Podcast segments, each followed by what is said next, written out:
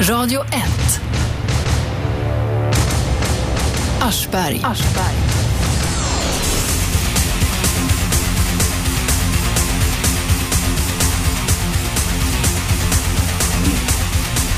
Aschberg här, men idag är det Lotta Aschberg. Robert är på viktigt tjänsteärende och vi idkar svågerpolitik, så det är frun som sitter här idag. Jag fick hoppa in som vikarie. För snart sex månader startade hon ett helt nytt liv. Efter 29 år är den politiska het luften. Välkommen hit Mona Salin. Tack så mycket Lotta.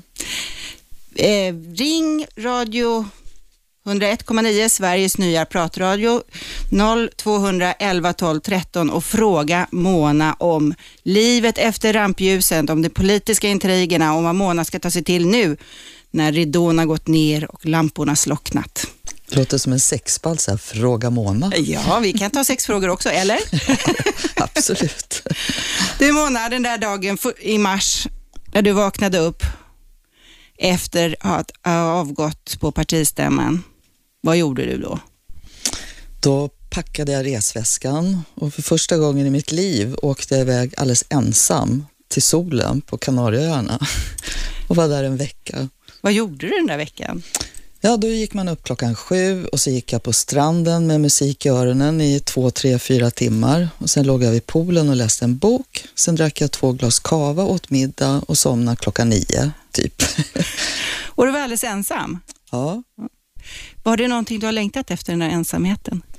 Ja, faktiskt. Den här självvalda ensamheten. Och så kändes det som en markering för mig själv i alla fall den här veckan att okej, okay, nu lämnar man något gammalt bakom sig och så gick man och tänkte på allt det nya, vad nu det kommer att bli. Vad är det nya? Ja, det har inte riktigt kommit på vad jag vill göra när jag blir stor.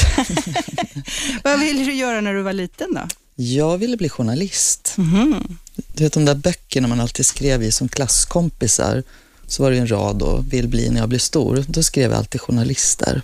Det är ju inte för sent. Inte du, vi det. har en ringare med oss. Hallå, vem där? Nej, de la på. Mm.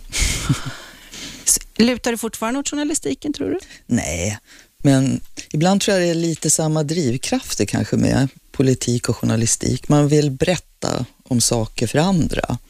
Och jag fick det utloppet i politiken istället. Men jag tycker fortfarande om det där att skriva och och berätta och försöka skaka om folk. Och, så jag vill ju fortsätta jobba framförallt med frågor som handlar om rasismen. Jag ska åka ner till Jerusalem nu i veckan och försöka vara med och lösa den konflikten. Ja, grattis. Lycka till. Men göra något litet. Alla som kan göra något litet ja. måste försöka. Men betyder det att du kommer fortsätta med politiken? Ja, inte partipolitiken på det sättet som jag har gjort, men politik för mig det är just det där att försöka ändra saker som man tycker är fel på det viset så är ju jag politiker ut i fingerspetsarna och det vill jag ju fortsätta med. Så det är politiska frågor du tänker dig att du kommer jobba med fortsättningsvis? Ja, som jag vill göra. Jag mm. jobbar mycket med Expo, en antirasistisk tidning och det är jätteroligt och känns viktigt och den typen av frågor och uppdrag, det vill jag göra.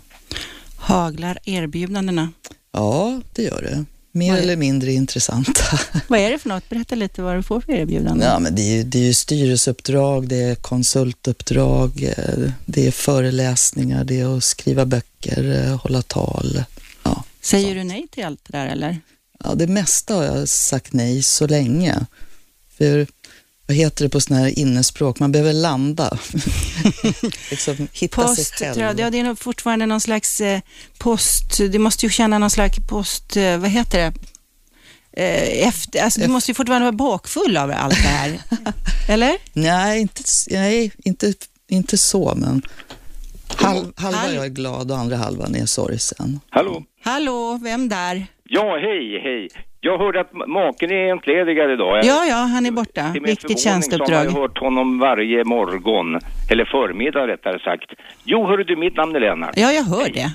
Ja, du hör det? Ja, jag känner igen din röst. Pratar jag för högt? Nej då.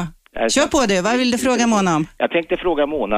Eh, nu senast, ja, det är väl för någon månad sedan här, så gick ju Merkel och även eh, Cameron i England ut och eh, ja, uttryckte frankt att integration och integrering i både Tyskland och England då har misslyckats.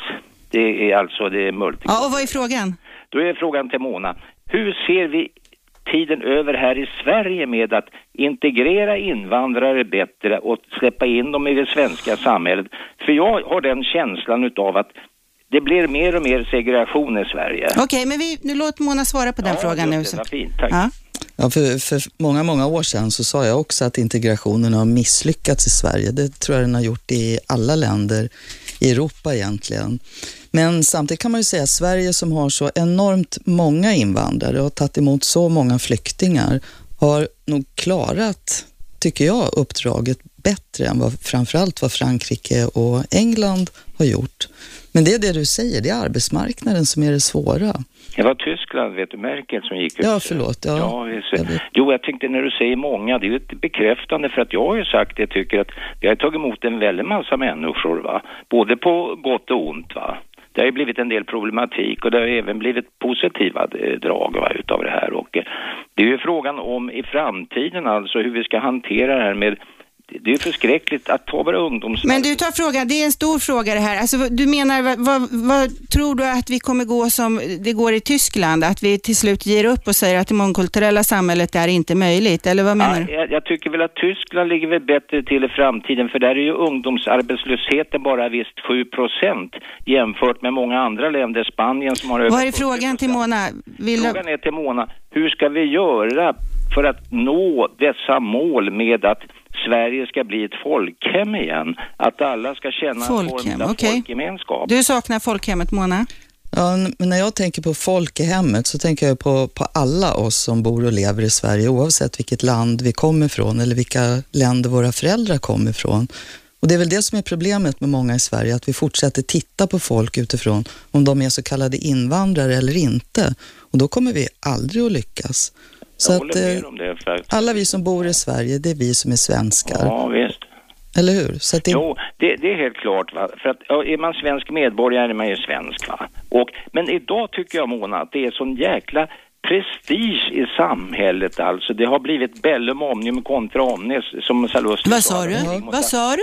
Jag sa, det har blivit bellum omnium kontra omnes. Men vi, vi är inte latinare här, varken Mona eller jag. Så. Eh, Alltså jag bara läste till det Salustius då. Han menar på att det blir allas krig mot alla. Va? Jag tycker det är så mycket prestige i Sverige idag. Vad, vad va? menar du med prestige? Och vad jag menar med prestige att man har förutfattade meningar om folk och att man tycker att man är så jävla bra själv och att man har ingen fördragsamhet. Tala för dig själv du, Lennart.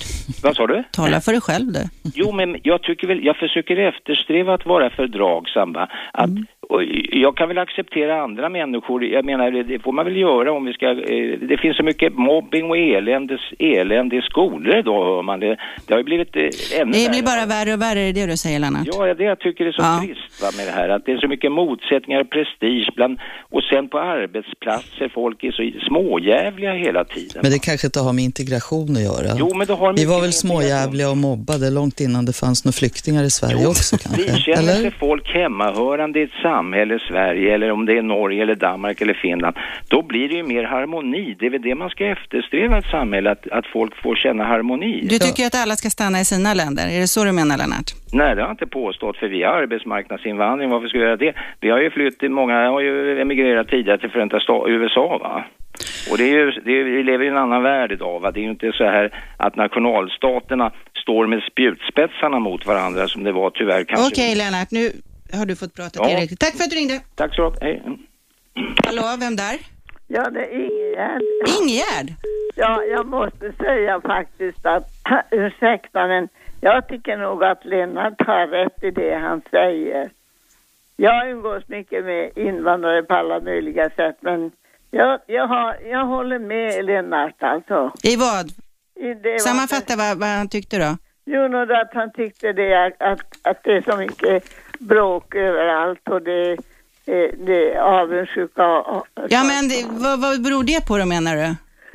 Ja, alltså eh, jag tycker nog så här att eh, jag har väldigt mycket... Men du, Ingegärd, har du en fråga till Mona? Har du någon fråga till Mona? Ja, Mona, Mona kan ju ingenting mer alltså. Nej, hon har bara suttit 29 år i riksdagen, hon kan ingenting. Hon har suttit i så många år och man har hört hennes åsikter så man Ja, kan men, både utan och innan. så du har ingen fråga till Mona, Ingegärd? Nej, tyvärr har jag inte. Okej, tack för att du ringde. Hej då. Tack. Ja, ja. Ja, det var roligt. Men ska vi fortsätta avverka det här ämnet då? Eh, Du jobbar ju då som aktiv styrelseledamot för Expo antirasistisk stiftelse. Eh, vad kan man göra åt det här? Du sa att integrationspolitiken var fucked up för flera år sedan. Tycker du fortfarande det? Eller? Ja, det tycker jag. Eh, Det finns mycket vi borde göra annorlunda. Men mitt problem med många av dem, ja, som Lennart här, om något misslyckas i politiken som integrationen, då klandrar man invandrarna för det istället för oss politiker eller alla arbetsgivare som inte anställer den som kommer från ett annat land. Och det är det som jag tycker är så viktigt att försöka arbeta mot, för det, det är grunden för rasism. Va, men som politiker, tycker du att du har, ni har gjort några misstag historiskt sett när det gäller integrationspolitiken? Ja, det tycker jag. Vad? Framförallt två saker. Bostadspolitiken. Om man inte bor gemensamt och hör svenska språket i skolan och på jobbet så är det väldigt svårt att bli integrerad. Och det andra det är just språket. Det var länge som svenska för invandrare var som ett särskilt sorts språk istället för att man fick lära sig svenska. Och var man metallarbetare när man kom hit då skulle man kanske få lära sig svenska utifrån metallarbetarnas behov av språk. Det hade hjälpt så oändligt mycket. Ut med folk mer på arbetsmarknaden. Ja, och att se de yrkena istället för de nationaliteter. Tänk om vi, idag säger vi så här, i år kom det 3000 bosnier, om det nu kom det, istället för att säga i år kom det fyra metallarbetare, åtta sjuksköterskor, eh, fyra eh, bönder. Alltså att man såg yrkena istället för bara nationaliteten. Då kanske sådana som Lennart också skulle tänka annorlunda. Radio 1. Aschberg. Gud vad stressigt det blev. Aschberg här, Radio 1, 101,9, Sveriges nya pratradio. Ring och ställ frågor till Mona Salin, 0211 12 13. Om ni undrar så är det Lotta Aschberg som sitter här. Robert är på viktigt tjänsteärende. Vi har en ringare med oss. Hallå, vem där? Lisa, Hallå? Ja, Jocke. Hej Jocke, vad vill du ställa för fråga till Mona? Nej, det är inte direkt en fråga, men snarare en kommentar. Och jag blir lite bedrövad över det är att politiker har ofta en tendens att säga att alla andra är sämre. Hur då menar du? Ja, nu sa Mona till exempel att ja, men vi är bättre än till exempel Frankrike. De är mycket sämre än oss på integration. Men det spelar väl ingen roll? Eller? Ja, men Jocke, jag tycker det spelar roll för Okej. Det handlar ju om att lära av andra. En del hittar bra lösningar på problem, andra länder hittar sämre lösningar. Och det gäller ju för oss att titta både på de som gör något bra och de som gör något sämre för att vi ska kunna göra något annorlunda. Så jag menar inte att titta ner på Frankrike. De har Nej, lyckats, på, de liksom är bra på många områden. Jo, men det var inte så jag tänkte heller faktiskt. Men jag tycker politiker har en tendens överhuvudtaget att eh, istället för att säga vad man är bra på själv eller vad man tänker göra, eller det kanske ni i och för sig är ganska bra på att säga vad ni vill, men inte efterlever, eller ni ska inte säga heller kanske, men... Ja, men det är så roligt det där. Ja, men det här Jocke, du säger politiker. Det är ungefär som, blir man politiker, då blir man en, en klump, så här, en sort. Det är ungefär som Ja, folk men- pratar om invandrare, så är de likadana. Vi är Ja, menar, ja, men jag kan säga så här, jag tycker att det finns inte ett parti idag som säger att de ska göra en sak som efterföljer till punkt och pricka i alla fall. Någonting kanske de efterföljer, men det är väldigt sällan som vallöften infrias, tycker jag. ja, men tycker du det? Jag, jag är ju socialdemokrat, men jag måste säga att Reinfeldts regering, det de sa att de skulle göra för, förra valet, så har de faktiskt gjort det mesta. Jag tycker nog svenska politiker är ganska bra på att faktiskt göra det de säger. Men du och Jocke, det är väl inget fel att jämföra sig? Jag menar, en jämförelse Nej, men jag- betyder nödvändigtvis inte att man, att man värderar Det det. är inte- Ja, men det är så här, det är inte pratar om att jämföra heller. Vi säger ju inte vad vi har lyckats med eller vad vi är bra på. Vi säger bara, ja men Frankrike är sämre. Eller Tyskland är sämre på sin integration. Men det är väl skitsamma om de är sämre. Men Det jag är tycker... väl vi som ska vara bra. Ja, eller? absolut. Men för att vi ska vara bra så är det bra att se vad var det de gjorde fel? Vad kan vi lära oss av det? Det var ju det frågeställaren som ringde, han tyckte då att de var så annorlunda i Frankrike. Då tyckte Okej. han, ja, allt gör de nog inte bra. En del saker Nej. är vi faktiskt ganska bra på själva. Jo, men Frankrike är säkert duktiga på massa saker också. De är säkert sämre än oss på många saker också. Men Mm. inte, jag tycker att här jämförelsen med Frankrike är väl rätt irrelevant. Det är inte, det är inte, vi är inte fransmän, vi röstar inte i Frankrike. Nej, vi, men själv på Lennart som ringde då, det var han som drog in Frankrike. Ja, men det, är väl, det är väl att ha en utblick från ut i andra länder är väl inget fel? Det kan du inte tycka Jocke? Nej, inte att man jämför, absolut inte. Nej. Men man, jag tycker generellt att vi, eller vi, Sveriges politiker, tycker jag, det är min subjektiva åsikt förstås, är ganska bra på att säga vad andra är dåliga på. Att de andra Okej. partierna är dåliga på att, och de här, istället för att säga att vi tänker göra det här och vi tänker göra det. Men det är heller inte så ofta det heller tyvärr. Nu är Mona inte partipolitiskt eh, aktiv Nej. längre, men hon får ta med sig de råden tillbaka jag till ska- sina Jag ska partikamrater. tipsa Juha. Tack Jocke, hej. Tack, hej. Ah, det är lite macka med telefonen här. Vem där? Det är Lisa, lägg inte på nu. Nej, nej, nej, ja, det var ett misstag förra gången. Jag är Aha. tafflig. Hej Jag Lisa. ska bara säga att du är lycklig som har en man som Robban. Vad vet du om det? Men jo, och så Mona. Ja. Har du en fråga till Mona så ställ den. Mona, Ja. jag, är jätte, jag är jättelycklig över att du ska åka och försöka skapa fred i Mellanöstern. Mellan... Ja, vi önskar Mona lycka till. Ja, tack ska du ha. Lisa. Tror du att det kommer gå? Ja, vi ska prata just om Jerusalem, för du vet både Israel och palestinier vill ju ha Jerusalem som huvudstad och det är en av de svåraste frågorna där nere. Det är väl Ja. lite- knäckfrågan. Ja, så det lilla man kan göra måste man försöka, så jag- tack så mycket. Får jag fråga, hur, vilken, eh, vilken egenskap åker du till Jerusalem? Liksom? Alltså, under mina år som politiker har jag lärt känna enormt många, både på den palestinska och israeliska sidan.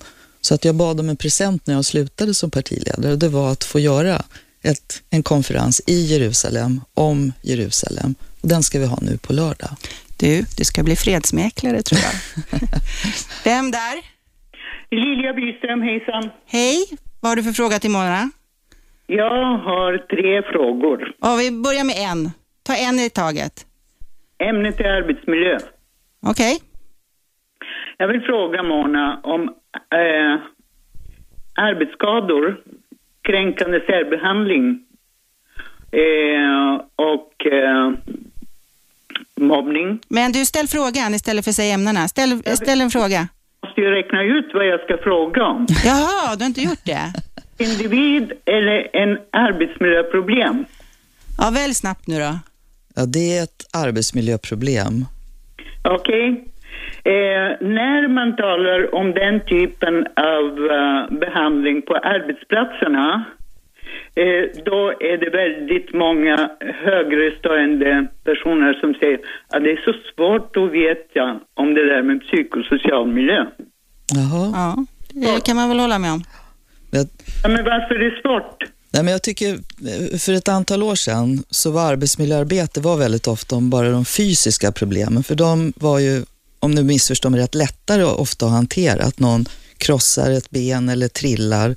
Men det här med det psykiska var det många som bara vände sig ifrån, för man tyckte det var svårt. Men de senaste åren så tycker jag vi har börjat jobba bättre och bättre med att se människor som mår dåligt eller se människor som kränker andra eller som blir mobbade. Idag är det verkligen ett arbetsmiljöproblem och inte bara en individs problem. Men där fick du svar, eller hur? Tack för att du ringde. Rader, jag fick den uh, sedvanliga svaret. Men i alla fall, eh, varför är det Försäkringskassan ska, som ska utreda om det är arbetsskador på grund av arbetsmiljön? Ja, det är ju både Arbetsmiljöverket och Försäkringskassan som blir inblandade när det händer saker på arbetsplatsen. Och det är väl så det måste vara. Man måste bedöma om någon blir, blir sjuk och behöver hjälp från det hållet och inte bara att ändra saker på arbetsplatsen. Men det finns en arbetsmiljölag. Hur efterlever man den? Du, Jag kan inte alla detaljer i det. Det kanske du kan mer än vad jag gör. Jag bara vet att idag bryr man sig om hur man Jag kan- mår psykiskt och inte bara hur kroppen mår. Ja. Men jag Men kan, du- anknyta till, jag kan anknyta till dagens aktuella nyhet att eh, det behövs flera manliga förskollärare. Mm. Men vad har det, har det med det här att göra? Det kan vi väl alla vara överens om att det kanske behövs, ja. Lugnt, jag kommer.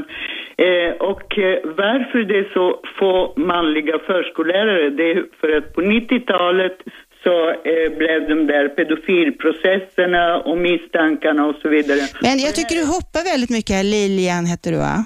Ja, men det här är ett typiskt arbetsmiljöproblem. Ja, men det, det är ju inte, inte för en individ. Det är ju mera ett jämställdhetsproblem, eller hur Mona? Jo, men eh, om Lilian, jag tror hon far efter att om man, Om man anklagar en hel grupp, för så vart det lite i den här Ja. debatten, som om alla män som sökte till förskolan egentligen var pedofiler. Och det drabbade väldigt många som säkert mådde rätt dåligt på jobbet av att känna att de inte var litade på. Men redan i utbildningen så råddes de här killarna att de skulle ligga lågt, de skulle inte byta blöjor, de skulle inte... Ja, men det är förskräckligt. Ja, men det är klart att man inte känner sig välkommen på jobbet när det är så, men det hoppas vi att det blir en ändring på. Tack Lilian för att du ringde. Heja alla killar som vill jobba med barn, säger jag. Det De behövs. Och alla tjejer som vill bli politiker. Heja på. Hallå, är det någon där? Ja, det är Lisa, du, tänk, du ville fråga mig någonting men så bröts det Lotta. Nej, jag vill absolut inte fråga dig någonting. Tack för att du ringde. Hallå, vem där? Ja, det är Andreas. Jag skulle vilja eh, ställa en fråga till Mona Sahlin. Det går bra det. Eh, konflikten där mellan Israel och Palestina. Jag Ja, skulle vilja höra, Mona, vad, vad, tycker, vad tycker du inte att det strider mot mänskliga rättigheter och alla möjliga brott? Alltså när man blockerar, sätter blockad på ett land som Israel gör. Jag förstår hur de kan komma undan med det. Är det för att de är allierade med USA eller hur är det där? eh, Ja, det är klart stora det, ja, men det är klart det bryter mot eh, de flesta rättigheter som finns. Om du tänker på Gaza till exempel, Ja, där ja. Israel har en det- jag blockad. Det jag vill komma till, ursäkta mig avbrott, men Mm. det jag vill komma till vill jag bara säga att ungefär på samma sätt gjorde ju serberna gentemot kosovoalbanerna. Och då gick USA in med jordens jävla tryck och bombade sönder hela Belgrad. Så då undrar jag varför gör man inte samma sak med Israel? För Israel har ju betett sig så här, och det är ju inte de senaste tio åren de har, det har varit så här. Nej, men inte för att det skulle hjälpa om någon gick in och bombade Israel. Nu kanske du inte är menade det så, menar. men... Varför sätter man inte in sanktioner eller gör någonting som visar att, vet du vad, det här tolererar vi inte, det här är inte okej. Nej, jag håller med dig. Jag, jag arbetar hårt nu för att inte minst Europa, oavsett vad USA gör, men vi bor ju i Europa, att Europa borde Fast det är vara... alltid de som är världspoliser känns det som. Ja, de men vi kan ju ta på oss, vi kan ju ta på oss rollen att vara vice sheriffer i världen i alla fall. Ja. Och försöka Mona börjar agera. i Jerusalem nästa Men vecka. Det, det, det känns som de är nonchalanta gentemot andra länder. Det känns som att när andra länder lägger sig i det, de bryr sig inte. Det är som en klapp på axeln bara. Men när USA kommer, då är det stora käftsmällar. Ja, du har kanske rätt Andreas. Tack för att du ringde. Hörrni, det tiden går fort när man har roligt. Vi ska ha nyheter. Vi är strax tillbaka. Radio 1. Aschberg. Välkomna tillbaka. Lotta Aschberg här. Robert är på viktigt tjänsteärende. För snart sex månader sedan startade hon ett helt nytt liv efter 29 år i den politiska hetluften. Vi har Mona Sahlin här idag. Mona, det här med, du ska åka till Jerusalem. Vi måste dra det här. Det här är ju väldigt spännande. Mona ska alltså bli fredsmäklare i Jerusalem. Berätta, vad ska du göra? Ja, det var ju att ta i. Nej, men det är så här. Eh, eh, palestinierna går till FN nu i september för de vill få hjälp med att utropa Palestina som en egen stat. Och en egen stat måste ju ha en huvudstad. Och som många säkert vet så är Jerusalem ju en stad som i stort sett alla världsreligioner ser som sin viktigaste plats. Så att på något sätt måste man dela på möjligheten att använda Jerusalem som huvudstad. Och jag stödjer verkligen att palestinierna också har den rätten. Och det har de haft sedan urminnes tider fast de aldrig har fått utnyttja det. Så östra Jerusalem är så att säga palestiniernas framtida huvudstad. Men hur ska det någonsin bli verklighet? Israelerna de skickar in bosättare långt in i Jerusalem, just i de östra delarna som är palestiniernas framtida stad. Så att jag ska försöka vara med på ett litet hörn och ändå se hur kan man formulera hur Jerusalem ska kunna vara alla religioners plats, men också palestiniernas huvudstad. Du, du är inte den första som försöker med det där. Nej, jag kommer inte vara den sista heller, men vi som har kontakter där nere, det känns som man har ett ansvar att minsta lilla man kan göra för att komma några myrsteg längre fram, så känner jag i alla fall ett ansvar att försöka. Jag önskar dig lycka till i Jerusalem och Det hoppas att vi får rapporter om hur det går sen. Ja. Du, eh, jag måste fråga dig, efter så här i backspegeln nu när du har lagt av med partipolitiken i alla fall. Vilken är din värsta stund i ditt politiska liv? Eh, när Anna blev mördad. Anna Lind blev mördad. Åtta år sedan. Mm. Men om vi bortser från det då, om vi tar något mer, det förstår jag, för det var ju också en personlig tragedi för dig. Men om vi tar det rent politiska. Ja, det var när vi förlorade valet 2006. Ja, då såg du inte glad ut. Nej, det Nej. var jag inte heller. Sen, sen är det klart jag har gjort, man har va- varit med om många ja, förluster eller att man inte har lyckats med saker man verkligen har brunnit för, mm, som har varit jobbiga stunder. Men det hör ju till i alla liv. Man lyckas med vissa saker, inte med andra och så lär man sig av det. Men du, den där valnatten när du stod och skulle tacka av alla valarbetare, funderade du inte på att gå då? Jo, absolut. Du menar nu vid senaste valet? Jo, visst gjorde jag det. Och det kändes väl in i kroppen då att det bara var en tidsfråga ändå. Men man ska inte gå så att säga i, tycker jag i alla fall, i affekt. Och man ska inte gå innan man vet hur, hur kan partiet ta sig vidare. Nu blev det knöligt för partiet i alla fall. Ja, det blev Även när jag meddelade att jag skulle gå, men eh, det kändes i kroppen, visst gjorde det det. Och det var där beslutet började växa? Var det så? absolut. Det var ju där insikten fanns. Sen är, är det ett stort beslut och eh, man måste tänka på det. Jag behöver göra det i alla fall. Och det var plågsamt. Sen när man väl bestämde sig så var det mycket lättare. Men tiden fram till det, den var, den var jobbig, absolut. Men du, då gick det några år där i alla fall. 2006 och du avgick 2011. Mm. Under den här perioden, varför odlade inte du och partiet fram kron, en kronprins eller kronprinsessa så att den där övergången skulle kunna bli lite mindre? Ja, men det mer- kanske vi gjorde, eller jag försökte, men eh, de blev inte aktuella. Vem sen. odlade du? Nej, det vill jag ju inte säga, men det är väl ingen hemlighet att, jag menar, jag är 54 år och jag tror ja, ungefär 70 procent av mitt partis medlemmar är äldre än vad jag är. Så man måste verkligen odla de, de som är 25, 35. Det var en ungdom du satsade på. Var det det? Det var ett antal ungdomar som jag försökte lyfta Mm. fram. Ja. Men det, du, de blev aldrig aktuella som Nej, det blev inte så. Ja. Håkan Juholt är en ungdom jämfört med mig, nej det är han inte. Fem år Ja, yngre ja. Men jag hoppas de tar väl hand om de här yngre, för de behövs. Tillväxten. Tillväxten, Mm. ja. Det tror jag alla partier borde känna ett större ansvar för. Du, ångrar du någonting? Ja, men det gör man väl med det mesta i Ja, livet. det kan man ju säga. Men jag tänkte mer politiskt när du är sådär som du... Ibland gör man ju så dumma grejer så att man vaknar upp på nätterna och kallsvettas och känner att fy fasen. Ja, men en sån sak som jag verkligen ångrar att jag ja, blev tvungen att göra, det var ju att eh, ta in också Vänsterpartiet i det här rödgröna. Jag hade så velat få försöka med bara oss och Miljöpartiet. Och det kan jag fortfarande ligga och tänka på mycket. Hur hade det gått och om och om. Det blev som det blev, men... Du att- pressad på Oliva. Ja, så var det ju. Partiet, Mm. Många i partiet kände sig inte mogna för att gå fram bara med, med Miljöpartiet. Så var det. Tror du det hade gått bättre om, ni, om det bara Miljöpartiet och ni hade gått fram? Det får man aldrig veta, men jag tror eh, att chansen möjligen hade varit större. Det tror jag verkligen. Men du eh, kände inte Oli det där att han var medbjuden med armbågen? Eh, jo, men eh, ibland känner jag att det partiet, eh, så har det varit för dem jämt. Det är liksom inget, Få vara med på nåder. Ja, att få liksom boxa sig fram och ta saker på nåder. Och, eh, det, det är ett annat liv att, att vara ett litet vänsterparti än att vara stora Socialdemokraterna. Vi har en ringare med oss. Vem där? Ja, hej. Det här är Lennart. Igen Lennart. Ja, Jo, kom med frågan. Det var så trevligt att prata med dig och Mona här. Jo, jag tänkte vända mig till Mona och ställa en fråga till henne. Det är nämligen så att jag tog del av en information senast nu om att Sverige påstås det är det enda landet inom EU som inte har några la- lagar mot åldersdiskriminering. Det tycker jag låter lite suspekt. Det, det, det låter inte trovärdigt på något vis. Men jag vet ju det att många äldre i Sverige klagar på... Men nu låter ju Mona svara. Har vi ingen sån lag? Jo, det har vi. Men den kom väldigt sent. Jag, jag tror Sverige var bland de senaste i Europa som förde in ålder till diskrimineringslagstiftningen.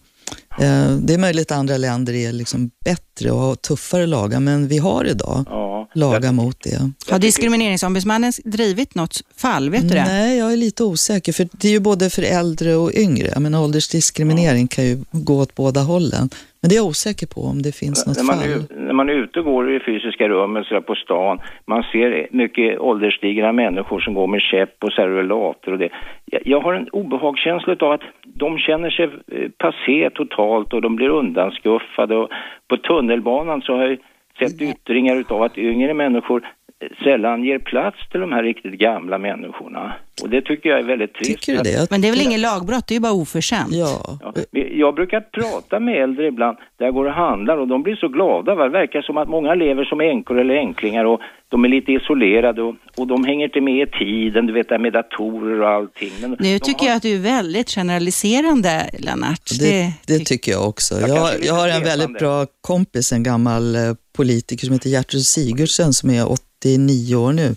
Och hon facebookar och hon twittrar. Ja. Och, så att eh, dra inte alla över en kam, det gör oavsett om det är invandrare Det finns eller många äldre. unga som också kan känna sig utstötta. Tack för att du ringde, men Lennart. Gertrud Sigurdsen, en gammal socialminister. Ja, precis. Och hon, Bodde vid Lindhagensplan. ja, och hon är jättehäftig, för hon har verkligen kämpat och lärt sig, för hon insåg att hålla koll på vad unga tycker, det gör henne bra. Och hon känner sig piggare. Så hon, är- ja, hon är grym. Hon är bättre än mig på, på Twitter och Facebook. Hallå, vem där? Jag måste höra nu med det. Men vad, vad heter du? Andreas. Andreas igen? Okej. Jag sa, är det någon släktdrag där du och Robban i Snäsiga av er? Fan, man får aldrig lyssna på historier, Lennart. Nej, men han har ju så långa föreläsningar, han blir så långrandig. Vet. Tack för ett bra program. Jag fortsätter vara tyst och lyssna. Ja, bra. Hej. Du, har du fler... När vi kom in på vänner, vi pratade om Gertrud Sigurdsen. Vilka vänner har du i riksdagen som inte är sossar? Eh, Maria Wetterstrand och Carl Bildt. Jag är visste att du skulle säga exempel. Carl Bildt. Ja, Varför då? Varför just Carl Bildt? Han är ju så jäkla arrogant. mm, ja, absolut. Han är arrogant, men han är en väldigt, väldigt god vän. Och den där eh, arrogansen tycker jag med åren har blivit en härlig självironi. Jag tycker han är jätterolig att umgås med och han har alltid stöttat mig när jag haft det jobbigt av olika slag. Och Maria är samma, en så här ärlig, rak, jättekul tjej. Så det finns, eh, det finns vänner i det egna partiet, men det är inte bara det, utan man träffar ju människor som man tycker om i alla partier. Har du mest sossevänner annars? Ja, det är klart jag har. Det är ju det livet jag har levt. Jag har vuxit upp i SSU och mamma och pappa var aktiva och så. Det är klart att det är väldigt många. Men sen har jag ju gamla skolkompisar och gamla körkompisar. Livet består ju inte bara av en, ett sorts nätverk som politiker. Men, Men har du hunnit med så mycket mera? Den där kören, hur länge sedan var du sjöng i kören? Det är ju jättelänge sedan, men vi är fyra tjejer som fortfarande träffas ett antal gånger om året och sitter och sjunger gamla Lucia-sånger oavsett om det är juli eller september. vi träffas. Är det något du ska ta upp nu igen kanske? Körsången? Ja, kanske. Det är bara det att rösten har ändrats så. Jag var sopran och det hör ni på min röst idag att det är jag verkligen inte nu. Så Då blir det får sjunga allt bariton eller ja, allt, allt. heter det kanske. Ja. Hörni, vi ska ha en liten paus. Vi kommer strax tillbaka och då får ni fortsätta ringa och ställa frågor till Mona Salin. Radio 1. Aschberg. Lotta Aschberg här idag. Robert är på viktigt tjänsteärende. Vi har Mona Salin i studion som talar om hur det är att inte längre stå i rampljuset. Ring 0211 12 13 och ställ vilken fråga du vill till Mona. Vi har en lyssnare med oss. Hallå, Ja, vad heter du? jag heter Mats Karlsson. Hej Mats. Hej! Eh, jo, jag har vet du, en fråga. Jag ska inte kunna ställa hur många som helst, men jag har faktiskt en fråga. Välj en. Ja, det är en som jag tycker egentligen är den viktiga av alla. Jag har varit gammal aktiv sosse själv, typ i början på 90-talet. Och eh, med tittar backspegeln på socialdemokratin och det svenska samhället och sådär, så tycker jag att eh, liksom själva känslan över vad Socialdemokraterna egentligen tyckte det här med alla människors lika värde och att man ska ha någon typ av botten i samhället, liksom att det ska finnas ett, ett skyddsnät längst ner och alla sådana här saker. Där tycker jag att med, med tittar man i backspegeln så tycker jag att samhället mer eller mindre ganska ordentligt har monterats ner där. Att socialdemokratin på sätt och vis egentligen har misslyckats med sina grundidéer. Men vad är frågan? Ja, jag frågar bara Mona, håller du med att det har dragit åt det hållet eller tycker hon att jag har fel? Egentligen skulle jag behöva prata mer med dig Mats, för den frågan är en av dem jag funderar mycket på också. Ja, jag tycker vi gick fel där på 90-talet när jag ser i backspegeln. Vi var tvungna, och det försvarar jag verkligen, att få ordning på statens ekonomi och det krävdes en massa. Men vi borde ha varit mer noggranna med, det, jag tror det du menar med skyddsnätet, hur ja, tryggheten ser ut för de som har det allra taskigaste och jobbigaste i samhället. Och sen har borgarna fortsatt väldigt mycket hårdare på den vägen. Men vi borde ha gjort ett annat val då. Vad, är det vad, det vad, du var menar? vad gjorde ni som var fel Ja, men det var, man 90-talet? började dra ner på, på a-kassan, man började dra ner på ersättningsnivåerna i sjuk och föräldraförsäkringen. Istället för att ge sig på det som gör att människor hamnar utanför. Diskriminering på arbetsmarknaden, att man inte ställer tillräckligt mycket krav också på människor, att du måste göra det du kan. Det tycker jag vi borde ha gjort annorlunda. Håller du med Mats? Ja, det gör jag. För att det som... Det, som det har hela samhället så egentligen förändrats till att bli från ett, vad kan man kalla för ett gemensamhetssamhälle med skyddsnätet och sådär som i så fall relaterar till så har det sakta men säkert blivit mer egoism överhuvudtaget. Och det man egentligen slåss om nu som uppe i rampljuset i jämförelse tycker jag egentligen är inom citationstecken skitfrågor. Vad, vad, menar, vad menar du? Jag fattar inte vad du säger. Istället för att man, istället för att man liksom, jag tycker att frihet, jämlikhet och broderskap som det hette inom, rakt inom den socialdemokratiska rörelsen, vad allt vad det betyder. Det tror jag egentligen alla egentligen skulle kunna skriva under på. Ja, det är väl självklart. Men jag tycker inte det är så idag. När man hör folk som, som inte har tillräckligt med pengar, som inte har tillräckligt mycket mat varje månad och sådana här saker. Alltså det är de grundläggande värderingarna som jag tycker skulle finnas som faktiskt inte finns. Och nu slåss, nu liksom, nu slåss man i frågor där man sätter olika grupper emot varandra istället. Men man egentligen tycker jag har ett generellt egentligen systemfel. Och jag håller ju med Mona hon säger det, att vet du, högern har ju verkligen lyckats med att införa det som de själva ville. Men om jag bara får, jag håller med dig om mycket, men det här med att alla ställer upp som du sa på frihet och jämlikhet och broderskap och kanske lite systerskap också. Det har varit ett av problemen att vi har trott att vi behövde inte försvara och förklara och argumentera om de värderingarna för vi trodde att det tyckte väl alla ändå. Och det var ett fel vi gjorde. Man måste försvara och upprepa och ta den kampen hela tiden. Och det tycker jag vi misslyckades med, framförallt på 90-talet. För att den här, vet du, det- Men har du någon mer fråga Mats? Ja, det var en sista grej över, bara Ja. en reflektion som har då blivit i, även då inom socialdemokratiska rörelsen också. Eh, att det, om man kan kalla det för egoism då, då, jag vet inte om det är rätt ord, men vi säger att det, är liksom, det har slagit igenom för att det är väldigt, väldigt många som har gett upp. Jag menar, med små, jag var ju liksom med i en sån här kommundelsförening och såna här saker. Du menar gett upp pol- det politiska arbetet? Ja. De, de här rörelserna finns inte kvar längre.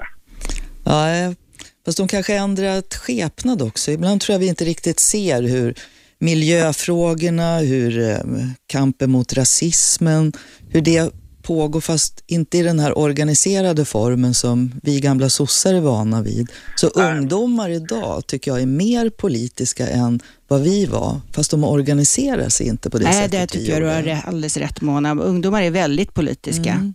Och tar Men det är, ställning. som, det är ju inom, inom de här små rörelserna som, som, som Mona har eftersträvat att de vill ha en ny rekrytering och eh, det inom det socialdemokratiska partiet och Ja. saker. Och det är ju inom de här små Men det, alla partier har ju faktiskt samma problem. Det, jag menar, medlemskapet sjunker ju i alla partier. Och sen är inte kampen mot eh, rasism och för miljön smårörelse precis. Det är precis Nej. de frågorna jag tycker vi ska ägna oss åt som parti också. Tack för att du ringde Mats. Eh, Shabnan, du hade en fråga från nätet va? Yes. Eh, från Tito här. Han, eh, han vill veta hur eh, Ardalan Shekarabis position ser ut i Socialdemokraterna. Är han en framtida partiledare? Han är alltså ung riksdag, socialdemokratisk ri- riksdagsledamot. Nej, jag tror, han kom aldrig in i riksdagen Nähä. tyvärr. Ardalan Shekarabi. Eh, Jag var ju med och utsåg honom till att hålla i eftervalsarbetet, för jag ser verkligen honom som en framtida riktigt stor ledare. Sen får du fråga de som håller på idag om de håller med mig. Men jag stöttar Ardalan. Han är mycket, mycket, mycket bra. Jag tror då han var en av dem som du försökte coacha fram till din efterträdare. det var en av dem. Den var en av dem. Vi har en lyssnare till här. Hallå, vem där? Eh, Är det jag då? Ja, vad heter du? Jag heter Urban. Urban, hej Urban. Hej. Jag ville fråga Mona Sahlin. Eh, vad, polis och åklagare, varför har man inte något lex Sara eller lex Maria inom polis och rättsväsendet? Hur menar du då? Jo, när det framkommer att det händer ett fel så är man bara tyst. Du menar om polis eller åklagare gör något fel? Ja, Mm. just det. Eftersom jag kan prata om det eftersom jag är drabbad och har suttit i fängelse för något som aldrig har hänt. Och det visste åklagaren Anne, Anna, eh, vad heter hon? Jag vill inte säga hennes namn här nu, det är, det är väl Jo då, onödigt. men hon får svara, hon kan svara för sig. Hon tyckte att hon kunde kosta på sig att anklaga mig falskt för att det, eh, det är inte hon som dömer.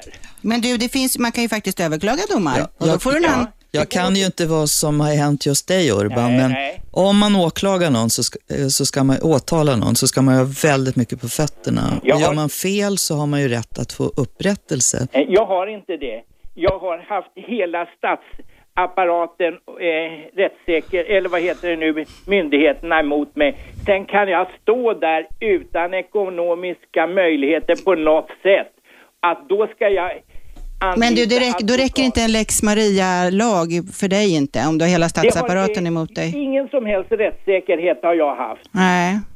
Nej, Europadomstolen. Jag, jag föreslår Europadomstolen. Den, den möjligheten har du alltid kvar. Vem, vem ska betala det? Nej, men man kan skriva ett brev. Man kan börja med att skriva ett brev och förklara din sak. Det räcker Ja, med det och- till att börja med. Tack snälla, vi kan inte lösa dina Nej, världsproblem. nej, nej. Tack snälla för att du ringde. Shabnan, det händer mer på nätet. Ja, Tommy undrar här. Ehm, han skriver, Hej Mona. I DN kan man läsa att Anna Linds mördare enligt egen utsago drevs av ett eget politikerförakt. Har du någon gång känt dig allvarligt hotad av den stämning som finns emot dig från vissa grupper i samhället? Ja, dels så tycker jag man ska ta med en nypa salt vad, vad Anna Linds mördare nu säger. Han sa ju ingenting under alla rättegångar, så mm, ja, vi får se. Har jag känt mig hotad? Ja, det är klart jag har gjort. Om man tar ställning i, mot rasismen, om man tar ställning eh, för homosexuellas rättigheter, de två frågorna, så får man också väldigt mycket hot och hat. Och det har jag verkligen känt av många gånger under de här åren. Mona, kan man vara politiker i Sverige idag utan att bli hotad? Eh, Ja, du kan ju vara tyst och du kan aldrig, om du inte säger något kontroversiellt, så, så kan du väl slippa det, möjligen. Men tyvärr har hot, eller hat i alla fall, kommit att bli en vardag för väldigt många politiker. Har det ökat? Du har suttit 29 år i riksdagen. Ja, det har ökat. När började det? Ja, framförallt när eh, nätet eh, kom in som en spelare så att säga inom den politiska debattvärlden. För där har folk inte samma... De som inte vågar titta en i ögonen och säga hatfulla saker, de kan ju kräka ur sig precis Visst, vad som helst på Man nätet och gömma sig. Ja. Vi har en lyssnare med oss, vem där? Ja, hejsan, Eva heter jag. Hej Eva. Hej. Eh, jag tänkte bara när jag hörde Mona tala om arrogans. Eh, är det inte lite arrogant att avfärda Ohly på det sättet när vi vet att eh, Socialdemokraterna har varit så beroende av Vänsterpartiet i så många sammanhang för att få igenom saker och ting? Jo, visst så, så har det varit genom åren, men jag menar verkligen inte att det är arrogans att försöka skapa en, eh, ja, en ny plattform för en ny form av politik och vara lite realistisk också. Att jag tror att det här individualistiska frihetspartiet som Miljöpartiet är och vi, det trogna gamla socialdemokratiska partiet, skulle kunna locka fler väljare. Okej, okej. Men jag menar, många som har egentligen tänkt att rösta på vänstern har ju faktiskt stödröstat på Socialdemokraterna när de har hängt på gärdsgården, eller hur? Ja, absolut. De fick inget tack för det, men det är så du menar. Men okej, tack så mycket. Tack ska du ha Eva. Vi ska göra en paus. Ring 0211 12 13 och fråga Mona Salin om vad som helst. Vi är strax tillbaka. Radio 1. Aschberg. Lotta Aschberg här, Robert är på viktigt tjänsteärende. Idag har vi Mona Salin i studion. Ring och fråga henne om vad ni vill. 0211 12 13. 0211 12 13. Mona, Vi pratade här i pausen om politik. Alltså, nu kan du ju faktiskt se saker lite i backspegeln. Vad är, finns det stora skillnader, så kan jag ställa frågan, mellan realpolitik och ideologi? Ja, det är stora skillnader, men de måste hänga ihop. Annars så blir det bara populism av det. Eh, ideologi för mig, det är ju till exempel drömmen om ett jämställt samhälle där män och kvinnor har samma villkor. Då måste man argumentera för det. Och realpolitiken är ju stegen man måste ta idag för att komma lite närmare målet. Som en jämställd föräldraförsäkring eller barnomsorg åt alla barn. Och f- det är få gånger vi verkligen kopplar ihop det så att man säger okej, dit bort vill det där partiet och det här valet vill de att vi ska göra de här sakerna för att röra oss mot målet. Då blir politiken, tycker jag, spännande. Men det är så här alltså att en jämställd föräldraförsäkring är realistiskt omöjligt att införa. För då skulle ni få väljarna emot er, är det så? Nej, det tror inte jag. Eh, ibland är ju ideologi just att man måste använda realpolitiken för att försöka bilda opinion och förändra människors inställning. Men hade vi frågat människor när föräldraförsäkringen infördes så är jag säker på att majoriteten av svenskarna hade sagt nej det där vill vi inte ha. Det ska vara mammorna som är hemma. Men då måste man ju vara med och ändra på hur människor ser på sig själva och sina villkor. Du menar att det är en process innan, man, Absolut. innan väljarna är mogen, moget för det beslutet? Ja, eller partierna måste bestämma sig för om ideologin, om man verkligen tror på den, då måste man ju också använda realpolitiken för att bilda opinion. Annars så ska väl vi ringa SIFO varje vecka och bara kolla vad tycker folk och så gör vi så. är det inte så ni gör? Ja, det är lite åt det hållet idag, men det vore hemskt om det bara var det Ja, men herregud, alltså alla vill, ni vill ha ett jämställt samhälle mellan Ja. män och kvinnor. Den enklaste reformen är ju att dela föräldraförsäkringen Jag rakt av mellan män och kvinnor. Varför gör, men jag det, håller med, men det tyckte inte alla i mitt eget parti. det är inte realpolitiskt. jättekontroversiellt. Nej, visst. Det, men det, ja. Mm. Vi tar en ringare. Hallå, vem där? Nej. Hallå, vem där? Hej, Erik heter jag. Hej Erik. Jag skulle vilja ställa tre frågor till Mona här. Vi tar en i taget. Ja, en lite lättsammare slag här. Varför säger man sossar på Östermalm? Ja, de tyckte väl det var ett sätt att retas helt enkelt, att säga sossar. Vad säger Absolut. du då, Erik? Ja, jag säger, jag säger sossar. Ja, man kan säga Jag skulle nog vilja sätta mig i hallen och säga sossar och skratta lite överlägset. ja, sossar och m- mobb. Men det är bara- är det för att vara lite överlägset? sådär? Ja, Okej. Fråga två, det folkhemmet, var det Per Albin Hansson som myntade det uttrycket? ja, det stämmer. Vad, vad är det? Är det en slogan eller en floskel eller? Nej, för, för Per Albin var det ju ett sätt att försöka med en bild beskriva sin vision, sin ideologi. Ett hem, nu, nu kan jag inte citera det ordagrant, där det inte fanns eh, eh favoritbarn eller mobbade. Ett hem där liksom alla hade en plats och där alla fick ett eget rum, där alla tog hand om varann. Han tyckte om att politiken skulle vara som en familj, en god och bra familj, ta hand om Ja. varann. Ja, just det. Tycker du att det är bra uttryck? Ja, det tycker jag att det är. Om man, det gäller att tänka på vad det är. Jo, men det är en bra uttryck. Absolut. Mm. Du är det mer en möbelaffär för unga människor tror jag. Ja, det är nog mer Ja, Ikea man tänker på idag. Eller gammal. Mm. Jag gillar gamla grejer, så jag tycker det är ett bra uttryck. Eh, fråga tre då. Det här med integration pratar man ju om väldigt mycket. Det känns nästan som ett ord som man slänger ur sig bara. Men är politiker ute i förorterna och rotar sådär idag? Ja, alltså det, vet de om, eller, eller de, vet politiker generellt? ja, men det beror på vilka du pratar om. Vad menar du med ute och rotar sig? Vad menar Nej, du? ute och rotar. Jag menar om man är, åker ut till Vårbergs loppmarknad och tar en kopp kaffe och man vet om de här skillnaderna. Mona åker till Tensta och fikar då och då, det vet jag. Ja, jag har gjort det där. Det- Är, är man inte uppvuxen i förorterna så måste man själv eh, försöka vara väldigt mycket ute där för att göra det till en del av sin egen vardag. Ja. Så jag har alltid gjort så, men det är ju inte alla som har gjort det. För ibland känns det som man ser på tv så att det är lite tillrättalagda besök, att det kommer en hel, ett, en hel hord av politiker. Men vet du vad som är ännu någon- Någon bättre? som håller på med träslöjd. Liksom. Men ännu bättre är ju om, men du, ännu bättre är ju om politiker också är människor som själva är födda i förorten. Att det inte bara är sådana som jag som bor i Välberga Eller till och med Nacka. bor där kanske. Ja, men det är det jag menar. Mm. Inte bara de som åker och hälsar på, utan att det finns en Nalin Pekul och andra som Ja, själva jo, det- bor där. Ja, det är ju din gamla... Ni är rätt klassiska i tv på något sätt. eh, men hur är... Kommer du från Vällingby eller? Nej, jag är född uppe i Norrland men bor i Nacka just nu. Ja. Vällingby är väl den första ABC-förorten för övrigt. Folkhemsorten. Ja. Ja, Mm. är ABC. Jag kommer ihåg invigningen av Vällingby, så gammal är jag. Och så tog Emma, Jag kommer ihåg invigningen av Vällingby centrum. Så Ja, gammal är jag. ja, när, när kan det ha varit då? Ja, 50-talet någon gång. Ja. Ja, Tack för att du ringde, Erik. Tack själv. Ja, tack, hej, hej. Vi pratade lite också i pausen om var gränsen går för en politiker. Alltså man ska ju gärna vara eh, personlig men inte privat. Mm.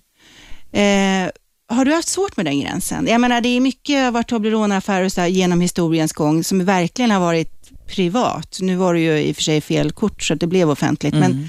Men, men, men var går gränsen där? Känner man det själv? Eh, Det, det, för mig tog det tid att förstå. När man är, jag var ganska ung när jag kom in i riksdagen och jag var yngst och ja, fick ju väldigt många frågor att vara med. Det är lekprogram och skojprogram. Och jag tyckte det var så kul att få vara med, så jag sa ja till allt. Och fick jag en fråga så, så svarade jag på den, oavsett vad frågan var. Och det dröjde många år och det gjorde ganska ont till slut när man insåg att det är en skillnad mellan att vara personlig, för det ska man vara. Men nu måste man slåss som en djur för att behålla det lilla privata man hade kvar. Det är något jag pratar mycket med dem yngre som ger sig in i politiken idag. Att tänk verkligen efter och förstå vad den skillnaden är. Men vad är, det, hur, vad är det då som, känns det som man har fläkt ut sig då om man har berättat för mycket? Ja, och eh, att det alltid missbrukas i någon mening. Det här är skillnad också mellan män och kvinnor, påstår jag. Absolut. Väldigt många kvinnor har personliga drivkrafter bakom varför de har gett sig in i politik en gång. Väldigt ofta är det att man har blivit illa behandlad i sjukvården eller man fick inte dagisplats. Alltså det är personliga skäl. Och det är bra att man får använda dem. Men då är det ännu viktigare att förstå att ger man sig in på att öppna upp, fläka ut sig för mycket, då tar det aldrig slut. Då måste man berätta mer och mer och mer och man ångrar sig djupt. Då blir det ett hål där inne. Ja, då blir det ett hål. Ring till Mona 0211 12 13. Vi har en lyssnare med. Vem där? Ja, men tjena Kjelle. Kjelle, kom igen. Jo, eh, Mona, hej Mona. Hej Kjelle. Ja, hej Nej, då. ja, han får ringa igen. En annan lyssnare då tar vi. Nej, det bara dog. Ja, men vi kan fortsätta med det här lite, eh, för ibland så eh, kan man må lite illa och andra människors vägnar. Det finns ju artister som är väldigt sådär, fläker ut sig och man får höra om alla deras lidanden och kval. Eh, Och man känner sig lite, alltså man känner deras skyddslöshet. Mm. Eh, Finns det någon gång när du känt att nej, nu har jag gått över gränsen? Lekprogram, är du med i det fortfarande? Nej, det är jag inte. Eh, Men det, det är också så här att det privata är ju också politiskt ibland, eller Mm. ganska ofta. Um, och det är skillnad på män och kvinnor. Bara berätta ett exempel. Jag läste, träffade många kvinnor som hade gjort, eh, varit med om missfall och hade blivit illa behandlade inom vården. Och jag har själv också haft många, många missfall. Och till slut berättade jag om det. För det var för mig ett sätt att illustrera att jag vet också vad det här handlar om. För att kunna lägga förslag som gjorde det annorlunda. Och det tyckte många, inte minst män, var för privat. Men kände du att det var för privat? Nej. Nej, Det var Nej men då var det en överlagd handling. Du hade någon politisk grund för Ja, att du skulle säga ja. det. Det var inte bara det. Men i början när jag var ny så släppte jag hem journalister in i mitt hem. Det ångrar jag djupt och gjorde aldrig om. Man lär sig så länge man Ja. lever. Hallå, vem där? Hallå ja. Hallå ja, vem är det som vi pratar med? Thomas Jonsson heter jag. Hej Thomas. Du, jag, tänkte, jag tänkte fråga Mona Sahlin, för jag vet att hon har ju barn vet du, i, ja, som är lite äldre. Jag tänkte bara fråga henne om hon skulle våga släppa in sina barn eh, på en lördagkväll. Släppa ut dem på stan menar du eller? Ja, på stan. Ja men herregud, jag har tre barn och de har varit ute på stan i Stockholm i alla år. Ja, Okej, visst. okej. Ja, för att jag, jag, jag har erfarenhet av det där. Jag har ju två grabbar nu va, som är 17, 18 år och de, eh, de vägrar åka in till stan om de inte är fyra, fem stycken. För bägge två har blivit misshandlade och det här är fredliga killar ifrån, jag bor i, ja, rätt säkert i Sollentuna där då. Privilegierat i villasamhälle. Men eh, de vågar helt enkelt inte. De, ena killen är på väg till och med att flytta till Dalarna. Men eh, det, det är väl i och för sig ett gott råd om man är tonåring att inte dra iväg ensam till stan. Att man är ett kompisgäng, att man försöker hålla ihop, att man inte lämnar någon ensam. Det tycker jag nog man ska göra även om man är ute på stan i Borlänge en lördagkväll, för det är ganska stökigt Det här är en stökig stad. Ja, Borlänge har ju fått... eh, Men, men jag tänkte också säga, för att jag, jag jobbar ju på krogen i 20 år inne, inne i Stockholm och jag såg ju hur det där stegras med... Vi snackar nu om, om integrering. Men vilka grupper det var som, som strök runt där och, och visade pistoler. Och samhället har ju hårdnat så betydligt sen de här gängen har dykt upp. Och det är ju liksom inga svenskar. För mina grabbar, bägge två har blivit rånade. En blev rånad klockan fyra på eftermiddagen. Men, men jag tycker så här, oavsett om det är en med invandrarbakgrund eller en svensk som rånar eller misshandlar någon, så är det för jävligt. Men tyvärr är inte livet så enkelt, Thomas, att det Nej. bara är det, de du nu kallar invandrare som består alla ungdomsbrott i stan. Så är det inte.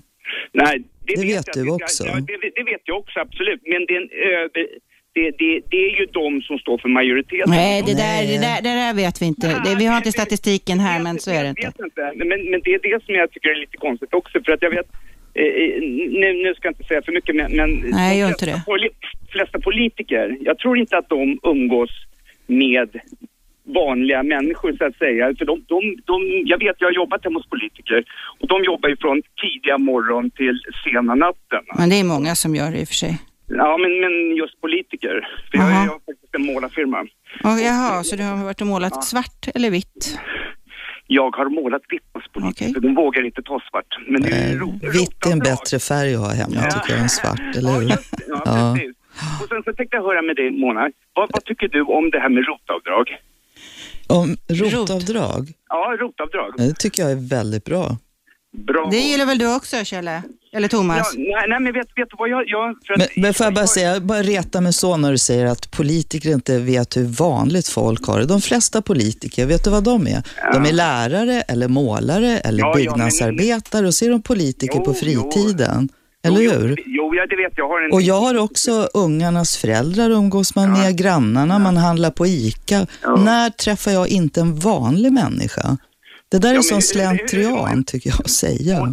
Mona, hur många timmar jobbade du när du var som mest aktiv? Ja, men det är klart jag jobbade många timmar. Ja, det gör ju att man inte umgås med det du kallar vanliga människor. Eller kanske, hemska tanke, är en rätt vanlig människa själv. Ja, men det, jag tror att du är en van- vanlig människa. Tack. Ja, men då så. Då kan Mona umgås med sig själv. Tack för att du ringde, Thomas. Ring till Mona och ställ vilken fråga du vill. 0200 11 12 13. Nu ska vi ha en liten paus. Vi är strax tillbaka. Radio 1. Aschberg. Lotta Aschberg här idag. Robert är på tjänstigt, viktigt tjänsteutövning. Eh, vi har Mona Sahlin i studion. Ring och fråga henne 0200 11 12 13. Ni får ställa vilken fråga ni vill. Men nu tänkte jag börja med att fråga Mona, eh, har du haft tid under det här halvåret som du nu har varit ledig att reflektera över hur du behandlades som den första kvinnliga socialdemokratiska partiledaren? Ja, jag- vet inte om jag har reflekterat färdigt. Och det är något jag har tänkt på i typ 29 år, inte bara det här senaste halvåret.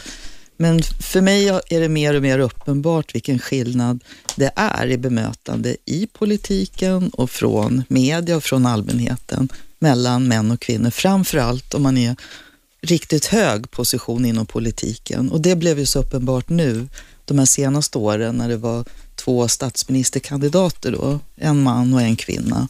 Och den som säger att det är lika har inte en aning om hur det är. Det skiljer väldigt mycket åt. På vilket sätt? Eh, det alla uttryck, om man tänker efter, är ju väldigt manliga. Landsfader, så ser man något framför sig. Landsmoder är någonting helt annat. Att ha pondus och styrka, så tänker man också manligt. Eh, I socialdemokratin så sjunger vi arbetets söner. Det är så mycket som utgår ifrån män. För män har haft makten i politiken i hundratals år och vi kvinnor har haft rösträtt bara de senaste decennierna. Eh, Det blev ett väldigt liv om min väska. Eh, Ingen brydde sig om Reinfeldts klocka som var typ fem eller sex gånger dyrare. Eh, Kvinnliga attribut syns och diskuteras. Mäns attribut är uttryck för makt och därmed blir de beundrade istället. Fast jag läste en undersökning som ett analysföretag hade gjort om din första tid som partiledare och Håkan Juholts första tid som partiledare. Och eh, mustaschen stod mer i fokus hos honom än frisyren hos dig. Mm. Man ska komma ihåg att Håkan Juholt är ju en i rikspolitik ett väldigt nytt ansikte. När jag blev partiledare hade jag funnits med i 25 år. Så min frisyr har fått sin beskärda del av uppmärksamheten innan dess. Ja. Vi ska ta en ringare. Hallå, är det någon där? Hallå? Hallå? Hej. Hej, vad heter du? Hej. Jag heter Ahmed. Ahmed? Ahmed och jag vill, alltså jag har inte så mycket att lägga på där men jag vill bara hälsa uh, Nasalin och säga till henne att vi älskar henne jätte, eller jag gillar henne jättemycket. Tack så jättemycket. Varför gör du det då? Eh, jag vet inte, det känns att du är för social och liksom du har uh, trick i alla detaljer överallt och liksom du är med på allting och du har tid. eh, eh, jag vet inte varför du har slutat med själva posten där på uh, socialen som, som jag är med liksom. Okej. Eller inte med Du, du, längtar till, du vill att hon ska komma tillbaka till politiken? Partipolitiken? Det känns att hon är saknar, att vi saknar henne faktiskt. Det känns så. Ja, jättegulligt, men jag, jag har inte försvunnit. Jag, jag Nej, lovar jag att fortsätta förstår, jag kämpa Hon ska bli fredsmäklare nu så flera får ny- nytta av hennes Men jag person. förstår också hon självklart hon vill ha liksom kanske privatliv eller kanske eh, tänkt att nu det räcker liksom att eh, gå vidare med mitt liv och lämna till typ den här posten till någon annan och så. Men eh, jag vill säga att det är inte bara min. Det är, jag har pratat med mycket folk som jag känner och det, vi gillar det Nu är det nog med smi- smicker Ahmed. Tack för att du ringde. Ja, tack så jättemycket. Har vi någon lyssnare med oss? Ja, hejsan. Erkan heter jag då. Ergan? Eh, yes, Erkan. E-R-K-A-N. Ja. Hur som helst. Eh, jag har ingen fråga till Mona Sahlin utan uh, jag ville bara säga det att eh, som ett Sverige som anses vara ett av de mest intelligens smartaste länderna i världen så... Ja, så säger du det? Jajamensan, vi har en utveckling som har gått väldigt långt framåt och vi ligger långt före andra u-länder runt omkring i världen. Och dessutom är det väldigt viktigt att vi är öppensinnade gentemot varandra, vilket har varit Sveriges största bekymmer i min mening. Eh, man måste kunna lämna det här konservativa tänket utanför när det gäller utvandringen, inrikespolitiken och allt vad det innebär. Vi rör oss eh, mot en globaliserad värld och integrationen kommer bara bli större och större och större och det kommer bli en mer beblandad politik och eh, befolkning i Sverige och alla andra länder i Europa och övriga världen för den delen. Är det ett litet tips? Det är ingen fråga va? Utan du bara har en liten filosofisk utläggning? Är det så? Det jag, det jag försöker komma fram till är att eh, man får börja med att titta på sig själv till att börja med. Eh, jag, jag, jag, kommer, jag är utav utländsk härkomst och tycker att eh, medelsvensken har eh, en väldigt konservativt l- lagd tankesätt kring utlänningar och eh, man måste vara mer öppensinnad för att lyssna på, ta till, ta till lite information från andra kulturer. Eh, jag påstår inte att eh, allting funkar eh, felfritt i det här samhället till exempel. Eh, men samtidigt så är politiken en grej där alla inte kan vara nöjda.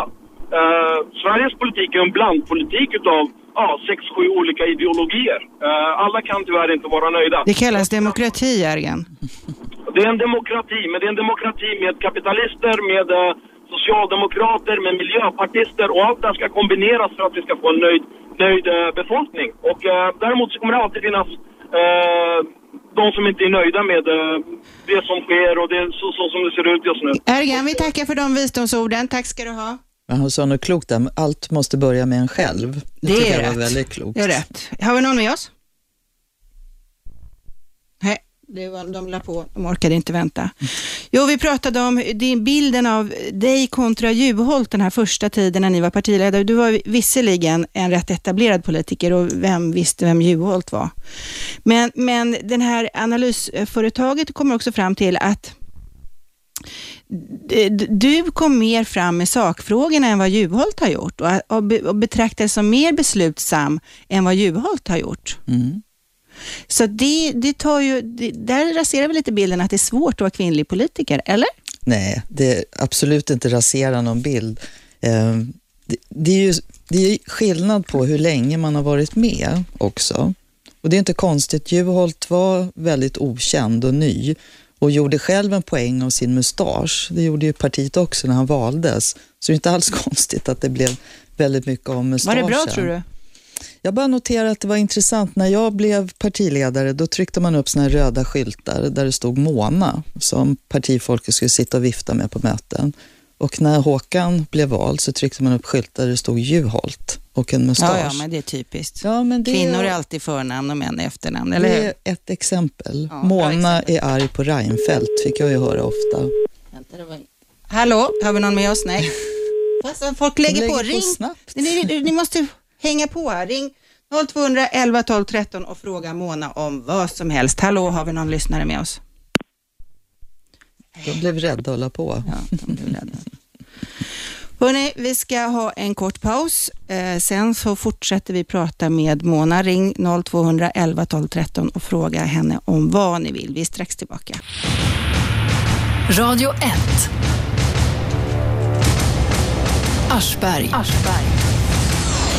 Lotta Aschberg här idag. Robert är på viktigt tjänsteärende. Vi har Mona Salin med oss i studion här. Ring 0200 11 12 13 och fråga henne om vad som helst. Vi pratar om framtiden, historien och eh, lite filosofi. Hör av er till 0200 11 12 13. Hallå, vi har en lyssnare. Ja, hej. Hej. Jag heter Carina. Hej Carina. Hej Mona, jag skulle bara säga, vilja säga att du har en himla sund inställning. Okej, tack. Ja. Om det mesta eller något speciellt? Ja, nej jag tänker eh, globalt sett. Och för vi pratar om folk, eller ni har pratat om folkhem och allt så här. Mm. Och jag menar, det börjar väl att man är lärare i sitt eget folkhem. Ja. Ja, och att man antingen lär sina barn att bli inv- invandrarfientliga eller inte. Och jag tycker att vi som föräldrar har det ansvaret att lära våra barn riktigt för att inte få ett fientligt samhälle. Det håller jag med om. Ja, Men sen är det tufft. Där alla måste börja i varje fall. Men det är tufft att vara förälder också, för Det att vad man än försöker lära dem så dundrar ju på en verklighet bredvid hela Ja, tiden. jo precis. Där jag menar, nätet finns och skyller- kompisar finns och... Ja, jo, men man skyller på liksom invandrare och man skyller hitan och ditan. Men jag menar, om alla var vänliga mot varandra istället redan från början. Vet du vad min son sa när han var liten? Han försökte lära sig läsa. Då stavar man ju av ord ganska konstigt. Så han frågade en dag, mamma jag tycker så synd om de här invandrarna. Och då undrar jag förstås varför då? Ja men får de aldrig vandra färdigt någon gång? sa han. Och, och det stämmer på något vis. En gång invandrare så ska man uppenbarligen ha det epitetet med sig hela livet och ens Ja, barn också. Ja, exakt. Och de barn är ju ofta klokare än vad vi vuxna är, om man säger så. Carina, du har ingen konkret fråga utan det här var mer lite smicker, eller? Nej, smicker? Det Ja, det tycker jag. Alltså, jag tycker att ha vuxenutbildningar mer. Ja, mer än vuxenutbildning. Tack Carina för att du ringde. Hallå, har vi någon med oss? Ja, hallå? Hej. Hej. Jo, Vad jag- heter du? Eh, Yvonne. Hej Yvonne. Eller Ingvon. Ingvon. Från Sollefteå, fast jag bor... Ja, jag är också född i Sollefteå. Ja. I alla fall, det var inte det. Det är jag också. Ja, jag Ja. vet Mona. Jag har bott här i 42 år, men jag måste ju flytta hit till slut. Okej. Ja, i alla fall. Jag bodde bara ett år där. Ja, jag är född i Sollefteå BB 44. Har du någon fråga eller är det historielektion Det här? är så här att, eh, vad tycker du om Merkel Angela Merkel i Tyskland, är det det du menar? som, eh, ja... Som eh, politiker eller utseendemässigt eller? Ja, jag är inte så speciell. Ja, i alla fall så uttalandet här att, eh, nu hoppas jag Mona svarar mig uppriktigt.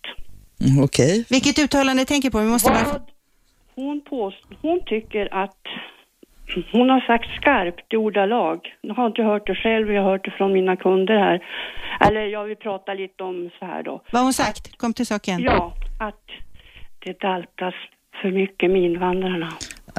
Ja. Nu, nu har hon inte sagt så. Försök, försök ta reda på. Hon, hon höll ett De lite längre... för mycket för invandrarna. Nej, men hon Ja. höll ett längre tal om vad hon tyckte var... De kallar det för Aj, mul... aj, aj, det här, är, det här måste... Nej, men låt Mona svara nu, eh, Yvonne. De har en debatt i Tyskland. De kallar det för multikulti-samhälle, det vi brukar Ja, prata vi om mångfald.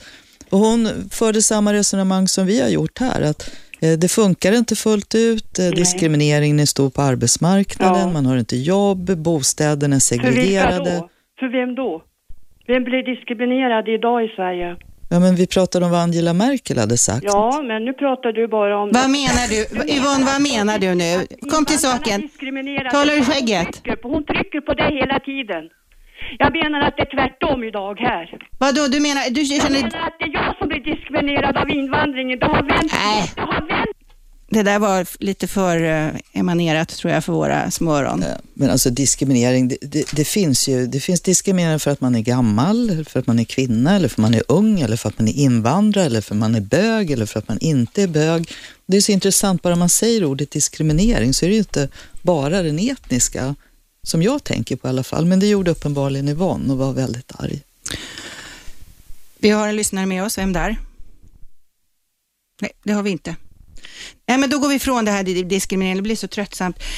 Vi pratade om hur det var, har varit att ha varit kvinnlig partiledare och kvinna i toppolitiken. Och där blir jag lite intresserad om härskarteknik som det tjatas av de här retorikerna om så mycket nu. Och det, det är väl rätt tydligt att se att Göran Persson har en rätt bra härskarteknik. Men vad hade du för härskarteknik? Eh, alltså härskarteknik kan ju vara både på gott och på ont. Eh, är man härskare eller är man partiledare så måste man ju också med sin retorik visa det är jag som bestämmer. Och det är ju inte minst viktigt för kvinnor i politiken att våga ta ut den svängen och inte bara säga ursäkta lilla jag har också en synpunkt. Så att jag försöker använda goda härskartekniker. Vad är det då? Ja, det är ju verkligen att säga ofta jag. För det är någonting kvinnor ofta är väldigt rädda för, så är det att säga jag tycker, jag vill. Och att verkligen träna på det. Gjorde du det? Tränade du på det? Ja, jag är uppvuxen i ett parti där man skulle säga vi hela tiden. Men den som tog för sig och sa jag var alltid den som fick uppdragen i alla fall. Så att det har jag nog fått träna på. Vi har en lyssnare till. Ring och ställ frågor till... Nej, det har vi inte. Frågor till Mona Salin 0211 12 13. 0211 12 13. Är det något mer? Ja, vi har en lyssnare. Nej, det har vi inte alls det. Ja, vad de lägger på snabbt. De är otåliga. Eh, var det något mer? Att använda jag, det låter ju som en väldigt enkel teknik. Ja, men den är ganska svår att tillämpa. Absolut. Och det, det, är ju lätt, man, det är ju lättare att skydda sig bakom ett stort vi. Eh, så är det ju. Man säger vi lärare eller vi invandrare, vilka vi man än säger. Men att sticka ut som person. Och att vara kvinna i politiken, det tog ändå 117 år innan mitt parti fick en kvinnlig partiordförande. Då ska ingen komma och säga att det inte är problem eller att inte man bröt en vall eller gick över en tröskel där ingen hade varit förut. Och det är jag stolt över, att ha varit den första. Vi har en ringare. Vem där? Hej, Peter heter jag. Vad heter du? Peter, sa han. Peter. Okej, kör på. Ja, jag undrar lite grann den här situationen i riksdagen nu med SD och att varken vänsterblocket eller högerblocket skulle samarbeta med dem. Eh, Jag undrar vad Mona tycker att hur det gick. Jag, jag håller benhårt på fortfarande att jag utgår från att mitt parti då Socialdemokraterna aldrig kommer att samarbeta med Sverigedemokraterna. Och då är det ju så att vi har en regering som Fredrik Reinfeldt leder som är en minoritetsregering. Och jag har ju försökt hela tiden få fram att det är han som måste avgöra hur hans stöd i riksdagen ser ut. Och jag hoppas verkligen att han hittar sätt att samarbeta med oss, med Miljöpartiet, för att få stöd över blockgränserna och att man inte ger Sverigedemokraterna möjlighet till inflytande. Det som jag funderar på är att de är ju en minoritetsregering förstås rent procentuellt. Ja. Men om man räknar bort SD så är de ju inte en minoritetsregering. Du menar att Alliansen skulle börja samarbeta med SD? Nej, alltså som, som det ser ut nu så tycker jag det verkar som att SD är egentligen de som bestämmer. För att de, om de väl röstar vänster så är det vänster som har majoritet. Röstar de höger så är det höger som har majoritet. Ja, men det är det som är min poäng Peter. Precis så kunde ju alla se direkt vid valet. Att om man inte gör upp över blockgränserna så ger man Sverigedemokraterna makten. Och det måste ju Reinfeldt hitta en strategi för helt enkelt. Det har han ju inte Ja, gjort an- än. Antingen kan man ju se det så eller så kan man ju se det så att om båda blocken skulle ignorera SD helt och hållet och gjorde upp sinsemellan. Ja, men det är det jag menar. Att man behöver göra upp över blockgränserna. Precis så. För då får inte Sverigedemokraterna något inflytande och det tycker inte jag de ska ha. Är du nöjd med det svaret Peter?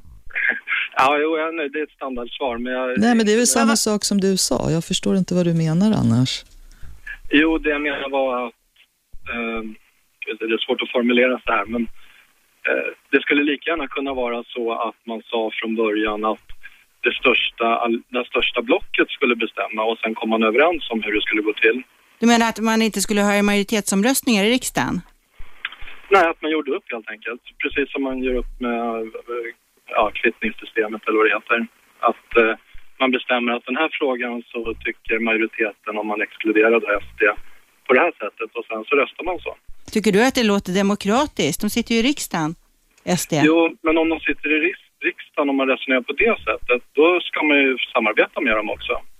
Båda, då ska ju alla försöka samarbeta med dem. Ja, men min poäng är, Sverige har haft minoritetsregeringar väldigt, väldigt många gånger. Vi socialdemokrater har ju oftast lett minoritetsregeringar och då måste man göra upp med andra partier för att få igenom sina förslag och det måste Fredrik Reinfeldt någon gång lära sig. Han leder en minoritet och då måste han göra upp med andra. Det har han väl gjort några Ja, gånger? jag förstår Ja. det. Men om det tidigare när det varit minoritetsregeringar, har man då sagt att man ska aldrig samarbeta med ett speciellt parti om du nu tar bort det här Nej, men Sverigedemokraterna är inte vilket parti som helst. Det är, det är en helt unik situation vi har idag med dem inne. Och jag håller med att man inte ska samarbeta med dem, men om man nu liksom på ett... Jag håller med om att man inte ska samarbeta med dem, men om man nu skulle exkludera dem ur det demokratiska samarbetet genom att inte då prata med dem, då måste man ju hitta på någon annan lösning. Men det är ju det politikerna försöker Precis. göra, kryssa nu. Jag tror du får nöja dig med det där svaret Peter, vi kommer inte längre i den här frågan. Du, hur har va- Ja, vi kan ta en lyssnare till här inne. Hallå? Ja, hallå? Vem där? Ja, det är Micke. Hej Micke. Var två grejer. Det första är ju det här han pratade nyss om med Sverigedemokraterna inte samarbetar med. Och den biten. Det kan väl vara en sak, men nummer ett för partierna måste väl ändå vara göra det bästa för Sverige, inte titta på vem som står bakom det bästa som för Sverige. Ja, det beror på vad man menar med bä- Jag tycker det bästa för Sverige är att vi inte ger ett parti med rasistiska rötter inflytande i svensk politik. Det tycker jag är det bästa för Sverige. De, men om de vill samma saker, så nu röstar inte jag på dem då, men jag menar om de har någon fråga de tycker samma sak som er, då är det väl bara att rösta igenom det. För det är ändå väljarna som väljer om de får sitta kvar eller inte. Ja, det, 6 procent av väljarna röstade på dem. 94 procent av väljarna röstade inte på dem. Och då tycker jag de här 94 procenten ska samarbeta med varann istället. Men det har ju faktiskt hänt så att Miljöpartiet har fått eh, igenom sina, för, inte sina förslag, men de har röstat med olika block och så har olika förslag gått Sverigedemokraterna Ja? Sverigedemokraterna. Ja, ja. Men det är det som händer om det inte finns en strategi Just över det. blockgränsen, vilket jag Hade du något mer Micke? Eh, nej, det är mer allmänt om man tänker som...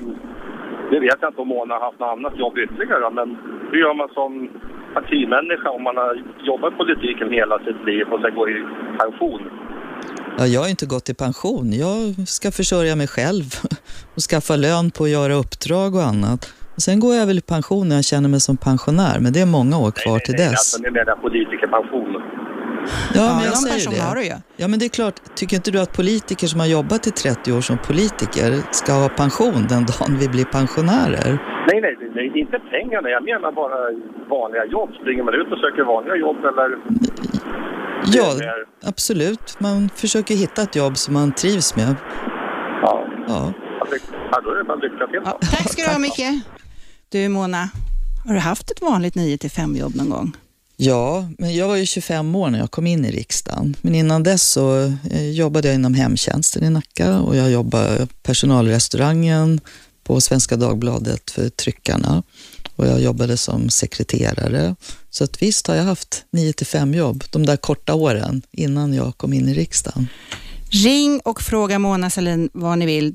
0200 11 12 13. Vi tar en paus, vi är strax tillbaka. Radio 1. Aschberg. Välkomna tillbaka. Idag är det Lotta Aschberg. Robert är på Viktigt tjänsteärenden och vi har Sveriges förre socialdemokratiska partiledare Mona Sahlin här i studion. Ring henne och fråga om vad du vill. 0211 12 13 0211 12 13. Vi har en eh, lyssnare med oss. Hallå? Nej, det hade vi inte va? Tar vi den då. Här då? Hallå? Ja, hejsan, det här är Sinikka. Hej! Hej, hej. Vad vill du fråga Mona? Ja, jag ville fråga henne om förorterna, vad de tänker göra och så ha en, min egen åsikt, bara lägga till sen. Om förorterna menar du eller? Vad sa du? Om förorterna, du menar de här miljonprogramsområdena? Ja, just det. Oj, det var en jättefråga. Nu, nu kan ju inte jag göra så mycket, det är ju inte vi som har regering, men jag skulle vilja att man dels byggde, alltså rustade upp dem. Det finns väldigt lite affärer, det finns väldigt lite arbetsplatslokaler. Eh, det skulle man lätt kunna bygga in. Och sen skulle jag vilja att man verkligen eh, byggde om lägenheterna också så att det blev fler större lägenheter. Många bor väldigt, väldigt trångt för man har ofta fler barn i förorten än vad man har i innerstan. Och sen behövs det fler kommunikationer så att man verkligen kan bo och arbeta på olika platser i Stockholm och ändå kunna ta sig smidigt emellan. Det är några exempel på vad jag skulle vilja göra. Ja, för att jag har den bestämda åsikten om det här. Jag jobbade i Flemingsberg, du vet. Det var det Mm. första nationella området i Sverige som man jobbade med kommunikation och ändra områdena där. Just eh, till det bättre. Det var ju väldigt segregerat. Jag jobbade mellan 96 till 2002 som ordförande och grundade en lokal förening där, både för invandrare och svenskar. Och såg i alla fall området bli bättre, så jag är väldigt stolt. Jag bor inte längre där, men ehm, att det vart, vart mycket, mycket bättre. Det var ju 80-tal olika språkgrupper. Men samtidigt tycker jag att man gör, man har inte gjort, inte då heller tillräckligt mycket för Rosengård och Tensta, Rinkeby. Och vad jag skulle vilja, se, nu frågar jag dig och du, där håller jag med om att man ska ju rusta upp lägenheterna. Det har ju försökt rustas tidigare men med dålig resultat om det var ja, 90-talet, kommer jag inte riktigt ihåg. Men om man nu ko- kollar runt det här, vad som händer i förorterna, nu är ju Rosengård kanske ett extremt exempel på det, men det kan bli likadant, så tycker jag att det absolut måste att man, jag skulle vilja säga, jag vet inte om det är ekonomiskt möjligt, att riva rasket, riva områden, ge dem en verkligen en ny start. Håller du med om det Mona? Nej, det gör jag inte. Ja, jag vill eh, Nej, men- gärna få henne kommentera varför inte. Ja, men, De är ju jag har ju inte bott i, i Rosengård, men jag vet ju att också Rosengård är ju hembygd för väldigt många. Och det är ju inte så att man bara ska titta på området och säga bara man river och bygger nytt. Utan problemet är ju att segregationen är så stor, att skolorna inte är tillräckligt bra. Och låt oss bygga om och rusta istället. En tidigare lyssnare frågade om rotavdraget som jag tycker är väldigt bra. Men det gäller ju inte för flerfamiljshus utan bara för villor och lägenheter. Eh, tänk om man, eller bostadsrätter, tänk om man kunde rikta det också till hyreshus. För att många som äger hus i förorterna har inte råd med den stora upprustningen som verkligen krävs. Och det tycker jag staten måste ta, ta ansvar för. Så Flämpan är ett bra exempel. Man kan göra mycket. Det gjorde ni bra. Men sen så är ju frågan om hur många procentuellt äger sin bostad i förort. Nej, men det ska de inte behöva göra. Det var det jag menade. Ju Man- menat så att uh, bostadsägarna... Om det Stödet ska ge... Byggherrarna precis. kan få rotavdrag, det är Ja, så du menar? precis. Är du nöjd med det Sinikka? Och sen eh, vill jag bara säga, ja, jag säger ärligt och öppet. En gång i tiden så röst- röstade jag, gav min röst till Socialdemokraterna. Sen blev det Moderaterna. Och nu röstar du på SD va Sinikka? Och jag, ja, men det sista som jag kommer att säga här. Sen har jag röstat nu Sverigedemokraterna och jag står för det. Och det är ett missnöjesparti. Och jag är, Och du är så missnöjd, jäkla Sinikka. trött att lyssna på att ni inte ger tillfälle. Ni rotar och rotar i nazistiska, rasistiska. Visst, det Ja, men vilka är vi? Här sitter Mona och jag. Nej, nu är det tack för idag Sinikka. Hallå, vem där? Ja, hej, mitt namn är Niklas. Hej. Eh, Okej, ja, först en stor ära att få prata med Mona Sahlin, även om jag inte är en politisk fan av Mona Sahlin eh, så vill jag bara säga att man eh, måste ha en respektfull ton i den offentliga debatten och så. Det har du Eh, rätt i. Mm, eh, och Mona Sahlin skulle säkert stämpla mig som både det ena och det andra. Men jag ska inte prata om invandringspolitik. Kom till saken nu istället Niklas. Yes. Jag tycker så här att det är väldigt beklämmande, bostadspolitik blir det jättefort då. Det är väldigt beklämmande i Stockholm i synnerhet, och storstäderna. Och här är Mona Sahlin helt oskyldig. Eh, att, vet du, det, jag anser att det är skandal att alla hyresrätter, eller inte alla hyresrätter, men så många har bildats om till bostadsrätter. Och att eh, när man har en väldigt lång när man har en väldigt lång, eh, alltså hyresköerna är oerhört långa. Det är oerhört svårt att få en bostad i det här landet. Vad är frågan Niklas? Ja, varför belyser inte eh, Socialdemokraterna starkare eh, i debatten att hyresrätterna måste bli fler och stoppa detta vansinne med ombildningar? Ja, men o, o vad vi försöker. Jag ska säga åt dem som håller på nu då, att försöka ännu mer. För det behöver byggas mer hyresrätter. Man, man kan inte sälja ut dem på det sätt som har varit. Eh, och, och det behövs ju alla varianter av bostäder i Stockholm, så man kan göra det som man kallar bostadskarriär. Jag menar, flytta in i en bo, eller hyresrätt så småningom kanske man vill ha bostadsrätt och radhus och villa. Och var ska ungarna ta vägen? Hur länge ska de bo kvar hemma? Hur många kan langa upp två miljoner för en halvstor etta? Tänk om folk ute i- i Sverige förstod vilket elände det är för unga människor i vår huvudstad. Niklas, ni är rörande överens här. Ja, det var roligt Mona. Jag får önska er all lycka i din framtid. Det menar jag ärligt. Ja, tack ska du ha. Det Tack menar jag också ringde, ärligt. Tack. Hej. Du, vi pratade om rotavdraget och du ville utöka det, men varför har du alltid varit emot RUT?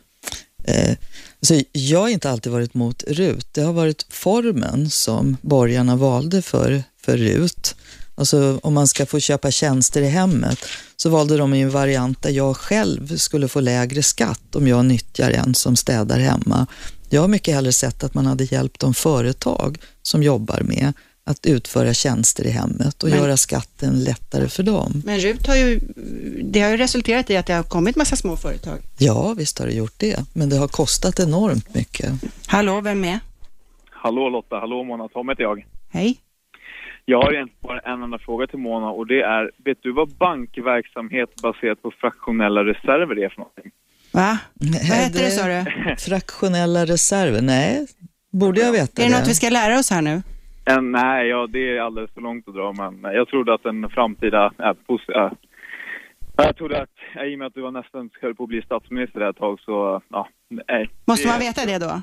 Vad det är? Nej, det bör man veta. Det är lite grann med monetär politik, hur pengar skapas och så. Men du, du och jag skulle kunna ha en debatt om monetär politik och finanspolitik när som helst, men kom inte att låtsas för att man inte kan ett av alla dessa fackuttryck. Eh, då, då ska man vara bankman. Jag är politiker. Nej, absolut. Du, är du statsvetare eller?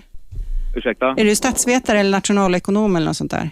Eh, nationalekonom. Ja, vi tänkte väl det. Och då tar vi Men- hjälp av väldigt många kloka nationalekonomer.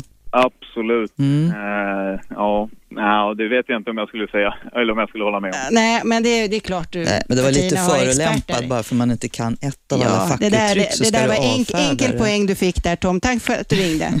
Vi har bara några minuter kvar, men jag måste fråga dig faktiskt, vad är det nu för skandaler och intriger du kan berätta om som du inte kunde berätta när du satt där mitt i smeten? Tänk om jag inte tycker att det ska jag berätta om.